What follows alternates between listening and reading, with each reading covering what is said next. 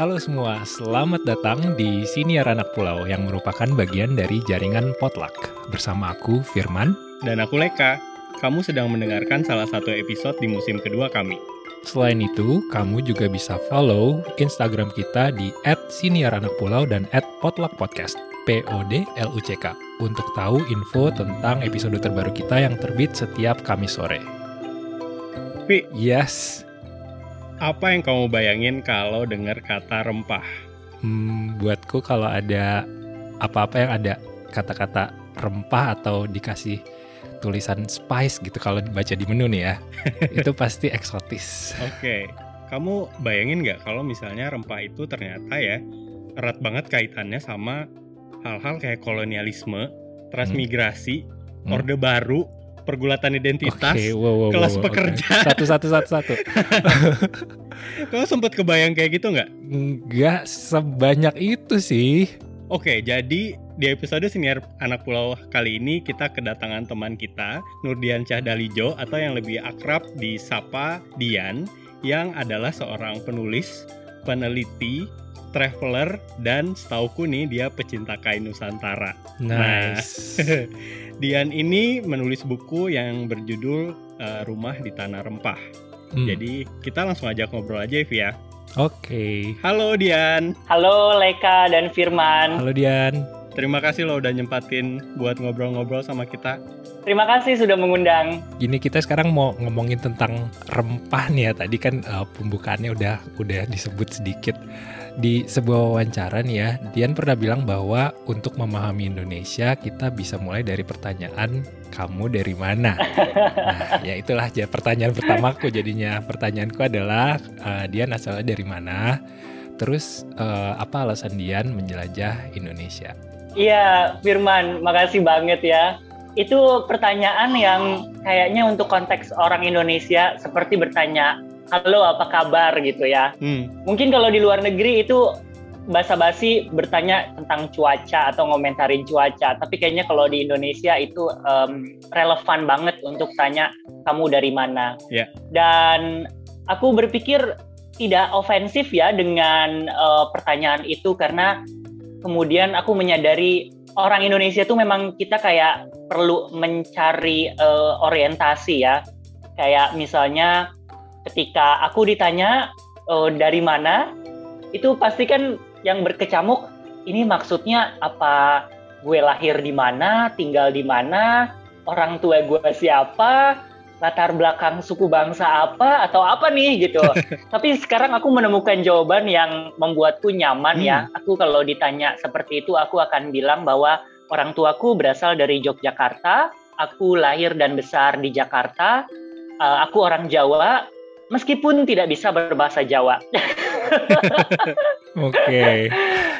Ini jawaban yang relatable banget sih, karena aku juga mengalami hal yang sama. Iya, karena mungkin em, kita mewakili generasi di mana mungkin generasi kedua, mungkin tapi umumnya generasi ketiga, Hmm, di mana orang tua kita ataupun kakek nenek kita itu melakukan eh, migrasi ya dari desa, dari kampung ke kota besar.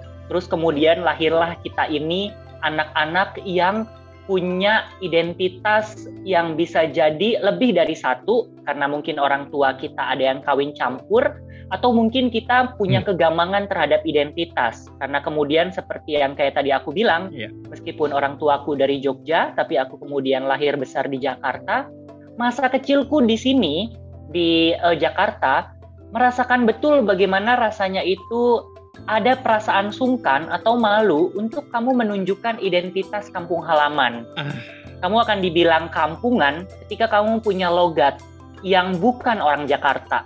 Bahkan yang native Jakarta ataupun katakanlah orang-orang Betawi yang tinggal di kampung-kampung urban di pinggiran Jakarta, itu kalau bicara dengan logatnya, itu pasti akan dibilang Betawi udik, hmm, kampungan hmm. hal-hal kayak gitu. Jadi mungkin itu terkait juga dengan eh, stigma dan stereotipe dari eh, developmentalism atau pembangunan ya di era Orde Baru Iya. ya. Kalau kamu bukan orang kota yang modern, kamu nggak pantas gitu di Jakarta. Iya, iya, iya. Nah, tadi eh, Dian sempat sebutin ada kegamangan identitas.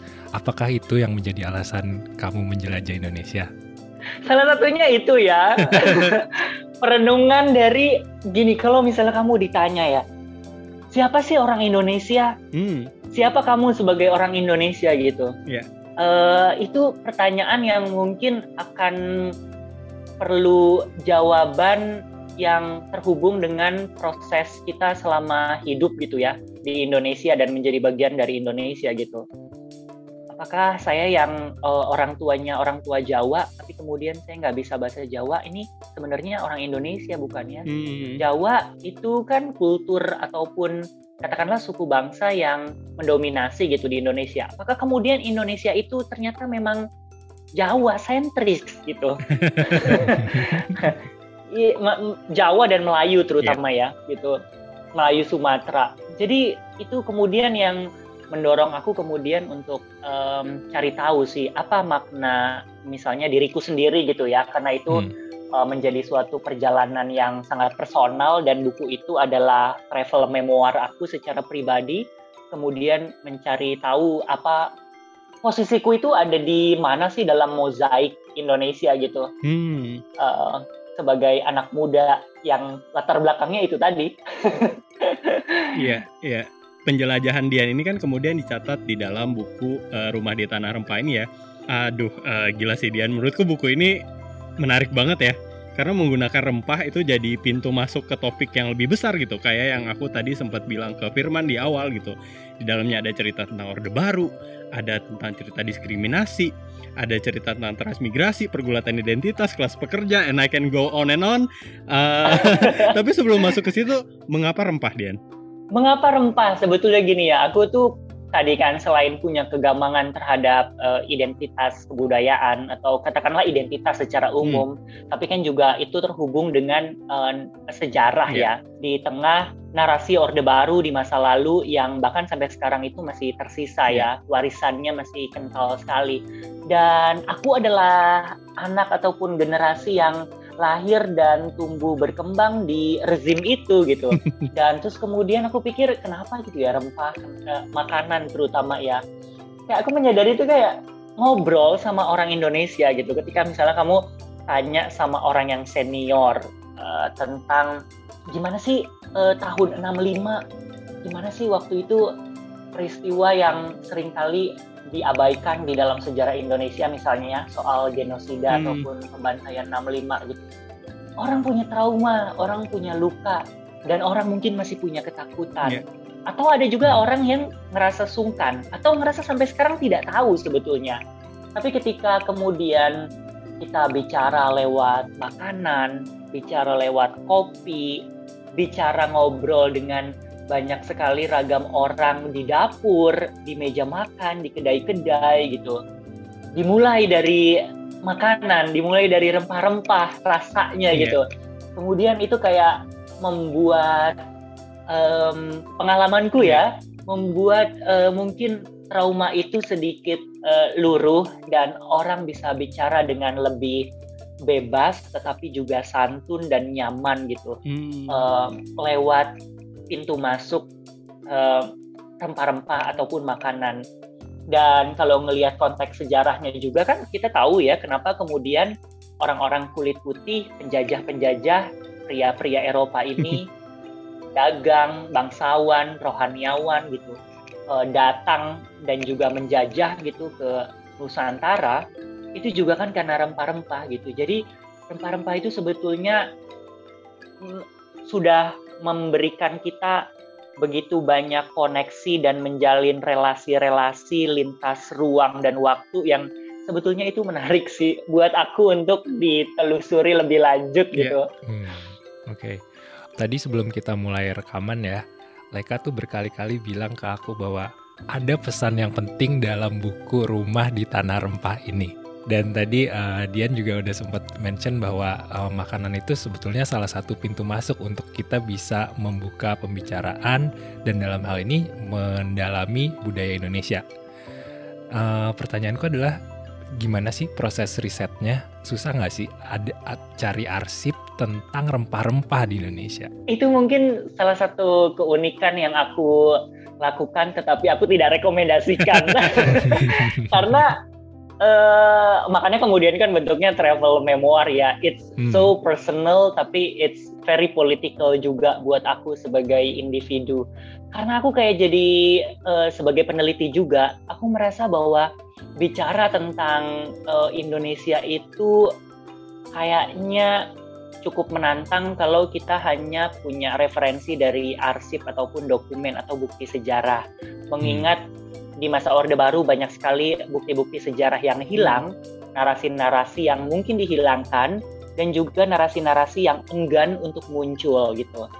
Jadi kemudian aku merasa uh, perlu sekali untuk uh, menggali sesuatu dari tradisi tutur, yeah. Ya. uh, tradisi uh, lisan dari orang-orang Indonesia gitu. Bicara tentang pengalaman uh, ketertindasan masyarakat adat gitu. Buat aku uh, pengalaman itu tuh dan juga perasaan yang mereka lalui itu uh, valid gitu dan gimana ya caranya gitu ya kita merekam merekam perasaan sementara uh, aku sendiri sebagai uh, penulis juga kemudian punya emosi. Hmm. Uh, misalnya cerita pengalaman tentang bagaimana aku uh, berkunjung ke Kepulauan Mentawai dan juga berinteraksi dengan masyarakat adat Mentawai. Ketertindasan yang mereka alami itu pernah aku baca di bukunya, aku lupa namanya, uh, uh, Re Remar, Remar kalau nggak salah, seorang antropolog uh, dari Belanda yang kemudian membuat uh, buku dan penelitian tentang masyarakat adat Mentawai itu luar biasa sekali. Dia tinggal di Mentawai selama puluhan tahun. Tapi kemudian itu rasanya berbeda ya ketika kemudian aku datang sendiri dan mendengar bagaimana mereka punya pengalaman seperti di masa lalu itu uh, seperti kayak diburu gitu hmm. oleh militer dan um, bagaimana para pria-pria ini rambut gondrongnya itu dipotong padahal hmm. rambut itu buat mereka punya makna yang sangat sangat penting ya terkait uh, capaian-capaian ataupun tahap hidup manusia gitu, akil balik dan juga hmm. lain-lain. Dan bagaimana uh, rumah-rumah adat mereka yang ada di hutan-hutan di muara-muara sungai kemudian dibakar. Hmm. Bagaimana kemudian ritual-ritual mereka distigmakan sebagai sesuatu yang dalam tanda kutip uh, perdukunan atau kafir. Uh, jadi itu sedih banget ya bahkan mereka sampai ada yang punya anjing dan anjingnya itu dinamai pemerintah gitu betapa betapa trauma dan luka itu tuh kayak nyata dan aku sendiri kayak selepas pulang dari Mentawai kayak di pesawat tuh kayak nangis sendiri uh. sejujurnya gitu nangis sendiri ketika inget aku nggak bisa bayangin gitu ada ada orang uh, dan ini bukan cuma satu dua tapi sekumpulan masyarakat adat di tempat tertentu yang mereka itu orang Indonesia loh. Jadi apa makna kemerdekaan hmm. Uh, hmm. setelah 45 gitu ketika itu kemudian menjadi semacam penjajahan baru gitu yang hadir di rumah mereka. Aku nggak bisa membayangkan gitu. Hmm. Yeah. Dan cerita-cerita ini nggak pernah muncul gitu ya?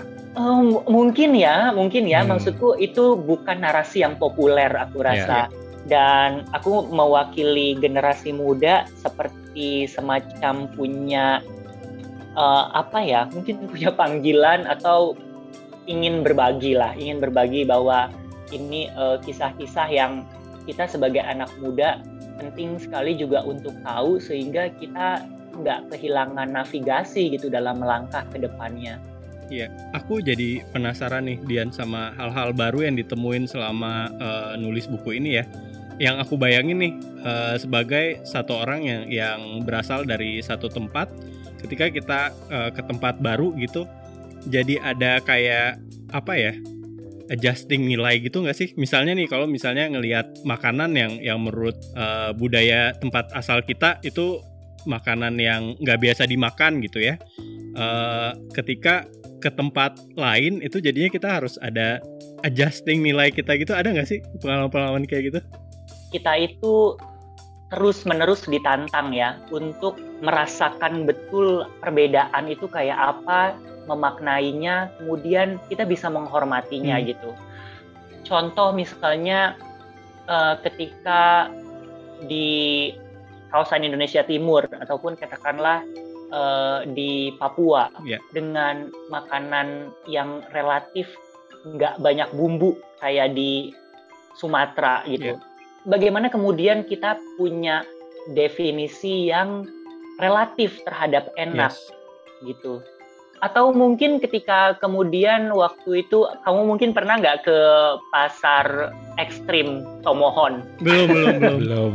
Cuma pernah dengar cerita-cerita aja. Pasar ekstrim Tomohon. Jadi waktu mau ke sana, kayaknya kita tuh di media populer tentu aja hmm. udah tahu ya uh, pasar ekstrim Tomohon itu di sana ada dalam tanda kutip gitu ya makanan yang dianggap memang oleh kultur urban kita pada umumnya itu ekstrim hmm. karena ada kelelawar, hmm. ada anjing, yeah. hmm. ada tikus hutan dan lain-lain. Jadi waktu aku mau ke sana, aku ketemu dulu sama kawan-kawan uh, masyarakat adat di Minahasa dan aku cerita, aku ingin sekali datang ke pasar itu uh, merasakan seperti apa sih uh, rasanya melihat berbagai benda-benda yang buat aku yang uh, anak muda di Jakarta itu adalah hal yang asing. Jadi dia nasehatin aku begini, kalau kamu nanti ke sana, kamu harus um, ingat bahwa berburu itu adalah bagian dari tradisi kami, masyarakat adat di Minahasa. Ya. Dan dengan cara berburu, sebetulnya kami sedang berupaya melestarikan hutan. Hmm. Karena mereka berburu dengan cara yang tradisional, jadi nggak eksploitatif. Yeah.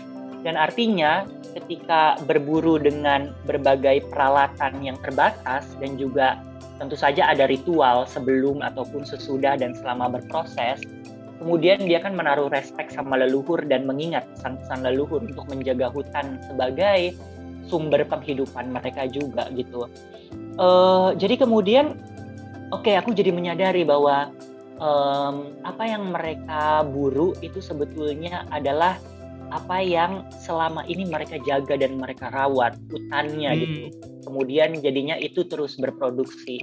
Meskipun tapi kemudian kan itu akan terus ditantang ya karena kemudian kita tahu pasar itu menjadi salah satu destinasi pariwisata yang populer yeah. dan juga tentu saja mungkin ada yang diburu secara tradisional tapi mungkin juga ada yang tidak kita tidak tahu gitu prosesnya hmm. seperti apa tapi waktu ke sana pun dan ditantang untuk mau mencoba apakah aku mau mencoba um, aku ngerasa tidak gitu tidak perlu gitu untuk um, ikut seperti mereka. Karena aku uh, aku berusaha menghormati dan respect terhadap tradisi kebudayaan mereka. Tapi aku ngerasa aku nggak bisa berkontribusi seperti apa yang mereka lakukan dengan hutan. Jadi aku nggak ngerasa pantas untuk makan makanan tersebut gitu. Hmm. jadi um, berusaha betul uh, mencari uh, menemukan sudut pandang bahwa nggak menghakimi yeah. misalnya makan kucing makan anjing makan kelelawar karena ada sebagian orang mungkin secara dangkal menganggap itu makanan yang menjijikan hmm. atau makanan yang nggak berperi kebinatangan gitu tapi tentu saja itu jadinya dilematis dan perlu dilihat secara menyeluruh tapi tapi itu yang kemudian yang yang tadi aku bilang ya kita akan terus ditantang gitu untuk memaknai keberagaman dan juga bagaimana cara kita menghormati keberagaman yeah. uh, lewat makanan lewat rempah gitu. Betul betul.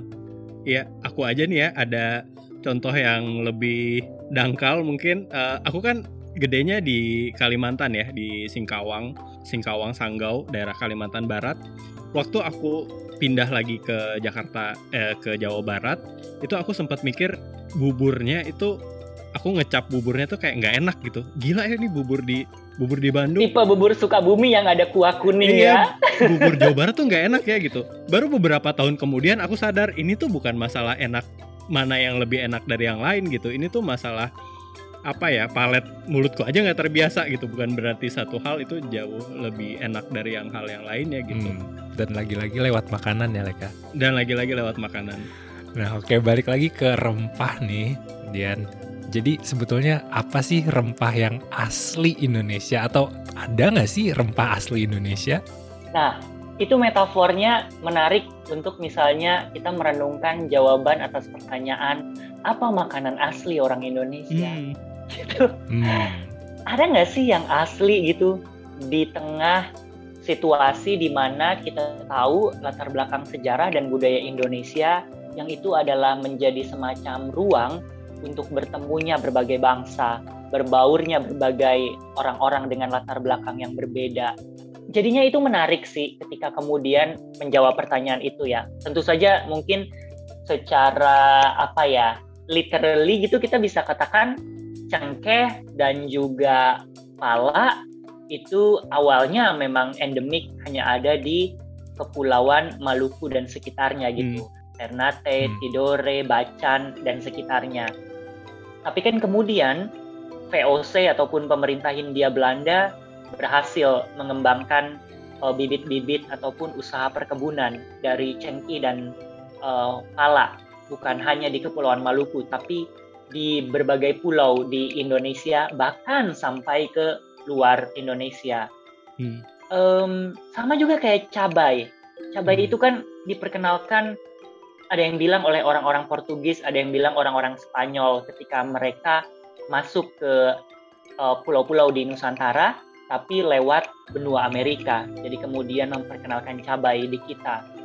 Atau mungkin kayak Columbus yeah. yang tadinya mau menemukan lada, tapi kesasar ke Amerika sehingga dia ngeklaim biji cabai sebagai lada gitu. Tapi kemudian itu jadi tersebar ke berbagai tempat di dunia. Dan menariknya kan kemudian cabai itu uh, tumbuh di berbagai tempat di Nusantara. Menariknya lagi, dia itu berproses dan beradaptasi gitu dengan tanah, iklim di mana dia tumbuh. Hmm. Jadi kemudian kita mau bilang cabai yang ada di Minangkabau uh, itu endemik apa enggak? Khas itu apa enggak? Asli enggak gitu kan? Atau gini katakanlah kayak kopi ya. Hmm. Kopi Toraja kopi Mandailing, kopi Gayo. Yang tadinya kita tahu kopi itu sejarahnya ya dibawa oleh orang-orang Belanda gitu, diperkenalkan di tanah-tanah di Nusantara gitu. Tapi kemudian kan kita nggak bisa bilang bahwa kopi itu bukan asli Indonesia gitu. Yeah. Nah, kemudian ada kopi Toraja yang rasanya jauh berbeda dan nggak bisa disamakan dengan kopi yang ada di Vietnam ataupun di Ethiopia gitu. Hmm. Jadi kan itu uniknya gitu ya. Kemudian ternyata bukan cuma identitas kebudayaan bahkan hal eh, hal-hal yang kita santap gitu termasuk rempah dia itu ternyata punya daya adaptif yang fleksibel dan hmm. ternyata relatif gitu. Oke. Okay. Nah, itu kan rempah ya dan dan jawaban dari dari tadi aja rempah asli Indonesia aja itu udah mulai nyerempet-nyerempet kebudayaan ya dan de, de, uh, dengan segala relativismenya tadi ya. Nah, kalau kebudayaan itu sama nggak Dian menurut Dian? Aku, aku bukan budayawan iya. dan uh, bukan uh, pengamat kebudayaan ataupun akademisi kebudayaan, tetapi tentu aja setiap orang boleh berkomentar yeah. ya. Menurut aku sih dengan dengan situasi yang sangat hibrid ya terkait dengan Indonesia gitu, di mana uh, segala hal itu kemudian bisa berbaur ya mungkin kayak Leka sendiri punya keluarga yang uh, Tionghoa, hmm. terus kan kemudian uh, di Singkawang, terus kemudian pindah ke Jawa, itu akan um, menghasilkan segala hal yang mungkin bisa jadi uh, kompleks, tetapi juga unik memang identitasnya kamu gitu. Jadi menurutku sih identitas tuh hibrid banget ya, hmm. dan juga um, untuk konteks kayak generasi muda sekarang dia akan terus uh, berproses untuk evolve gitu loh dia akan akan terus berkembang menjadi sesuatu yang hmm. bisa jadi berbeda ya kalau buat aku ya bagaimana misalnya uh, kita generasi anak muda kemudian punya orang ya. tua yeah. yang kawin campur itu gampang ditelisik kalau misalnya bapaknya Jawa, ibunya Bali. Oh, Jawa Bali masih masih oke okay, masih bisa mungkin anaknya bisa bicara Jawa, bisa bicara Bali. Tapi yang lebih kompleks misalnya bagaimana kalau misalnya bapaknya adalah uh, Tionghoa campur dengan masyarakat asli Kalimantan, ibunya berasal dari buyut yang Belanda, terus kemudian kawin sama orang Manado, terus kemudian berbaur lagi dengan orang Sumatera, terus anaknya ini bagaimana gitu. Aku rasa ya, dan dan itu kan tidak bisa dipaksakan ya orang untuk kemudian masuk ke dalam suatu sekat-sekat uh, identitas hmm. kebudayaan dan anak itu sendiri mungkin kita sendiri gitu akan uh, coba memaknai dan menaruh uh, definisi pada identitas kebudayaan kita yang ternyata ya nggak mm, biner gitu nggak nggak kayak siang malam nggak kayak semudah kanan atau kiri pilihannya gitu. Oke, okay. nah pernyataan ini nih yang bikin aku tertarik. Identitas kebudayaan kita kan tadi menurut Dian tuh nggak biner ya. So it's actually sangat queer gitu ya. Boleh dielaborasi nggak sih buat teman-teman siniar anak pulau tuh maksudnya nih seperti apa? Uh, iya maksudnya itu tadi ya bahwa kemudian buat sebagian orang memang tidak mudah untuk sesederhana menjawab pertanyaan kamu dari mana terus kemudian dipaksakan bahwa oh saya dari Jakarta oh saya dari Bali oh orang tua saya orang Bali oh saya orang Bali gitu hmm. dan ternyata itu uh, sesuatu yang menantang dan hmm. menurut aku sangat kontekstual ya bahwa kemudian kita bisa uh, membuat sebuah pemaknaan ataupun pernyataan yang itu bisa kita maknai sendiri gitu.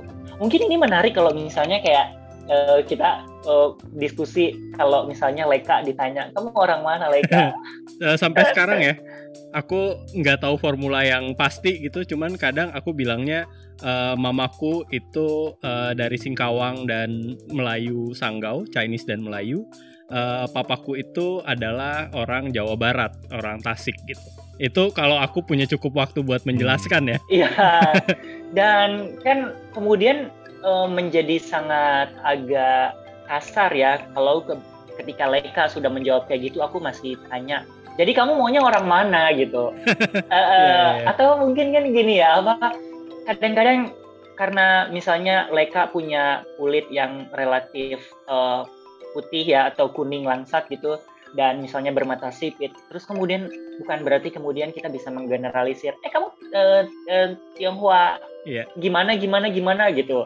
Atau mungkin oh kamu kulitnya coklat ya uh, dari Jawa mana? Atau kok kamu ngomongnya uh, halus ya uh, orang Solo ya gitu jadi kemudian kayaknya generasi kita tuh nggak relevan lagi deh ya kayaknya hmm. buat yang kayak gitu ya apalagi terutama untuk anak-anak muda yang uh, datang dari keluarga ataupun orang tua yang dari seperti tadi aku bilang itu uh, pendatang hmm. ataupun perantau ya karena memang kayaknya di masa-masa um, era Orde Baru kan kita tahu bagaimana uh, desa-desa ataupun kawasan pinggiran gitu di Indonesia itu mengalami tekanan yang sangat luar biasa yang mendesak anak-anak uh, di sana yang kemudian jadi orang tua kita kemudian untuk merantau um, ibuku sendiri hmm, harus merantau yeah. untuk bisa sekolah gitu. Sama juga bapakku harus merantau untuk bisa punya pekerjaan yang dianggap layak. Oke, okay. jadi sebagai anak-anak pendatang yang udah generasi kesekian nggak ada jawaban dengan kalimat singkat ya untuk menjawab kamu dari mana gitu ya kira-kira? Uh, nanti tiap orang mungkin bisa punya jawaban yang unik-unik dan yeah, itu yeah. akan terus kita tantang wow. sih sebenarnya pertama kalinya ya aku ngerasa kalau kebingunganku menjelaskan identitasku tuh ternyata banyak orang yang ngerasain itu gitu. Itu lumayan bikin panik loh, Dian kalau misalnya ditanyain gitu kayak I don't know what to say. Aku nggak mau ada stereotip yang kemudian muncul gitu, tapi aku juga nggak mau menghabiskan waktu banyak orang gitu. Jadi membuatku merasa lebih baik ya uh, tadi kalau ngedengar kalau ternyata generasi kita memang banyak kok yang ngalamin uh, kebingungan-kebingungan ini gitu. So thank you. Oke, okay, uh, eh, Dian, kayaknya ini obrolan kita sangat apa ya, sangat padat gitu. Banyak banget yang aku pelajarin di uh, obrolan kita. Nah, tapi okay. ya, ada hal yang belum kita cover nggak? Ada hal yang belum kita bahas nggak nih tentang uh, rumah di tanah rempah atau tentang uh, identitas? uh, buat aku tuh kayak ngomongin Indonesia tuh nggak hmm. mungkin nggak ngomongin makanan ya ngomongin rempah itu pasti ngomongin makanan gitu karena kita kemudian tidak lagi memaknai um, dalam tanda kutip melihat rempah-rempah sebagai sebuah komoditi yang eksotis gitu nggak relevan gitu untuk membandingkan segenggam uh, cengkih itu kita punya angan-angan maknanya seperti di abad pertengahan yang itu bisa ditukar dengan satu rumah hmm. mewah di London gitu ya.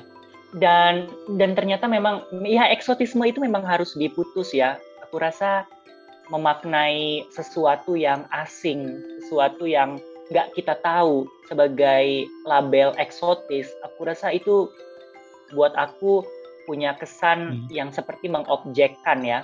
Dan aku rasa itu nilai-nilai yang sangat kolonial banget ya, white supremacy. Eh, dan bicara tentang rempah-rempah, pasti itu akan bicara tentang kolonialisme. Tapi pada konteks kekinian, kita bicara juga tentang uh, tradisi dan kekayaan kuliner kita gitu. Dan itu adalah warisan yang uh, penting banget untuk kita syukuri dan juga kita jaga ya karena kita bisa melihat banyak sekali relasi-relasi dan keterhubungan-keterhubungan lewat makanan.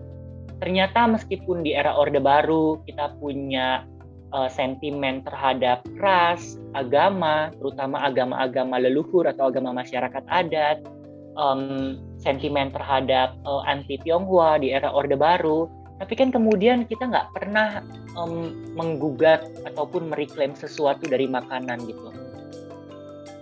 Kayaknya banyak orang gitu bisa terima mie ayam bangka itu enak banget gitu. Dan juga nggak ada tuh orang yang uh, mengklaim bahwa mie Aceh itu bukan Cina ya, gitu. Tapi kan sebenarnya semua orang menikmati gitu mie Aceh itu mie yang kayak rempah enak. Dan kita tahu bahwa mie itu tuh memang hanya khas spesifik milik masyarakat ataupun orang-orang Aceh. Dan ternyata di dalam orang-orang atau masyarakat Aceh itu ada orang-orang Tionghoa gitu. Kadang-kadang akronimnya ada yang bilang bahwa Aceh itu hmm. C-nya itu adalah Cina gitu kan. Jadi orang-orang Tionghoa itu sebetulnya udah ada di Aceh di terutama di kota Banda Aceh sejak dulu dan dan kerajaan di sana sudah menerima mereka sebagai bagian dari um, mozaik kebudayaan uh, orang Aceh terutama di uh, kawasan urban di Banda Aceh. Begitu juga kayak di Singkawang gitu loh aduh luar biasa banget gitu kalau ngomongin Singkawang tuh aku nggak bisa lepas dari kayak bayang-bayang makanan iya, di sana iya. itu aduh luar biasa banget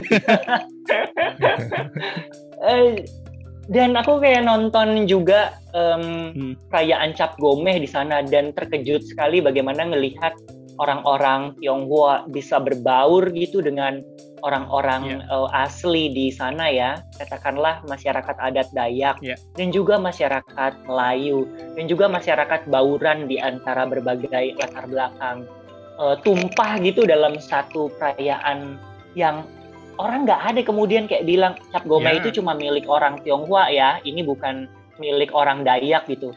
Orang Dayak itu kayak turun juga ke jalanan dan juga ikut dalam ritual itu. Jadi luar biasa banget ya. Dan tradisi makanan kita kan nggak mungkin sekaya sekarang tanpa kontribusi uh, orang-orang Tionghoa, tanpa kontribusi para pedagang dari Gujarat, India, Arab, dan juga bahkan eh, orang-orang penjajah itu sendiri ya, um, Inggris, Portugis, Spanyol, uh, Belanda gitu.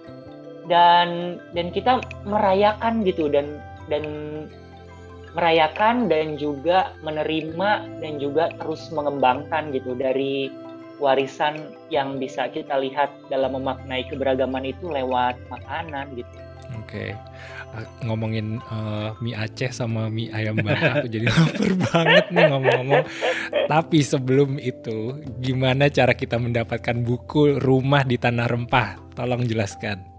Ya, ini uh, diterbitkan oleh uh, Gramedia. Jadi seharusnya bisa didapatkan di toko-toko buku Gramedia. Hmm. Uh, tapi kalau misalnya ada teman-teman yang kesulitan untuk uh, cari atau di toko buku terdekat udah nggak ada, nggak usah sungkan untuk uh, eh, DM aja ke aku di Instagramku ada di penjelajah rempah atau Nurdiansah.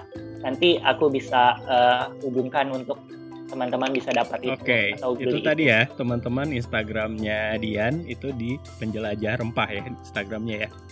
Oke Dian, Ya, Terima kasih banyak. Kita belajar banyak banget Dian eh, di sesi kita ngobrol-ngobrol hari ini. Iya, luar biasa padat. terima kasih Leka dan Firman. Iya, jangan kapok ya buat ngobrol. Banyak banget loh yang bisa kita obrolin eh, selain rempah kalau sama Dian, Firman. Oh iya, mungkin aku punya kayak satu pesan Ya. juga ya untuk ngingetin ke teman-temannya soal keberagaman dan kekayaan makanan gitu, di mana kita itu kemudian tidak pernah saling menggugat ataupun saling mereklaim Hmm, eh, ini milik siapa? Itu bukan punya saya itu bukan bukan dari ini itu. Em, aku rasa itu penting untuk kita implementasikan dalam kita melihat Ya. eh, kelompok-kelompok minoritas ya. Eh, di situlah sebetulnya kita belajar soal keberagaman dan juga menerima gitu betapa indahnya perbedaan dan keberagaman itu. Meskipun kadang sulit untuk kita memahami. Aku rasa itu mungkin bisa kita terapkan ya dalam kehidupan keseharian kita ketika sulit banget misalnya buat kita yang ada di kota besar gitu untuk eh, misalnya memahami kehidupan eh, masyarakat adat yang tinggal di hutan ataupun di sekitar hutan. Ataupun gini sulit banget buat eh, kita misalnya memahami misalnya saya yang muslim gitu ya memahami eh, orang yang kemudian hmm, punya tradisi makan babi. Atau mungkin em, hal-hal lain ya perbedaan gender dan juga Ya. eh, orientasi seksual identitas gitu keberagaman seksualitas yang kadang mungkin buat orang-orang yang eh, straight ataupun Ya. em, heteroseksual mungkin sulit gitu untuk memahami eh, teman-teman yang bukan Ya. heteroseksual gitu Eh, tapi kan kemudian itu tidak menjadi dalih untuk setiap orang layak misalnya menghina, hmm, merendahkan, mengecilkan gitu. Jadi aku rasa em, penting sekali untuk kita juga bisa membuka ruang dialog yang nyaman dan aman ketika kita bicara tentang perbedaan ini lintas suku, agama, ras, Ya. beyond sara gitu. Jadi aku rasa em, melihat keberagaman kayaknya jangan lagi deh disempitkan ataupun eh, klise gitu dengan narasi ataupun jargon eh, yang sekedar pariwisata aja gitu. I think itu a good way to end this. Yeah, that's a nice closing.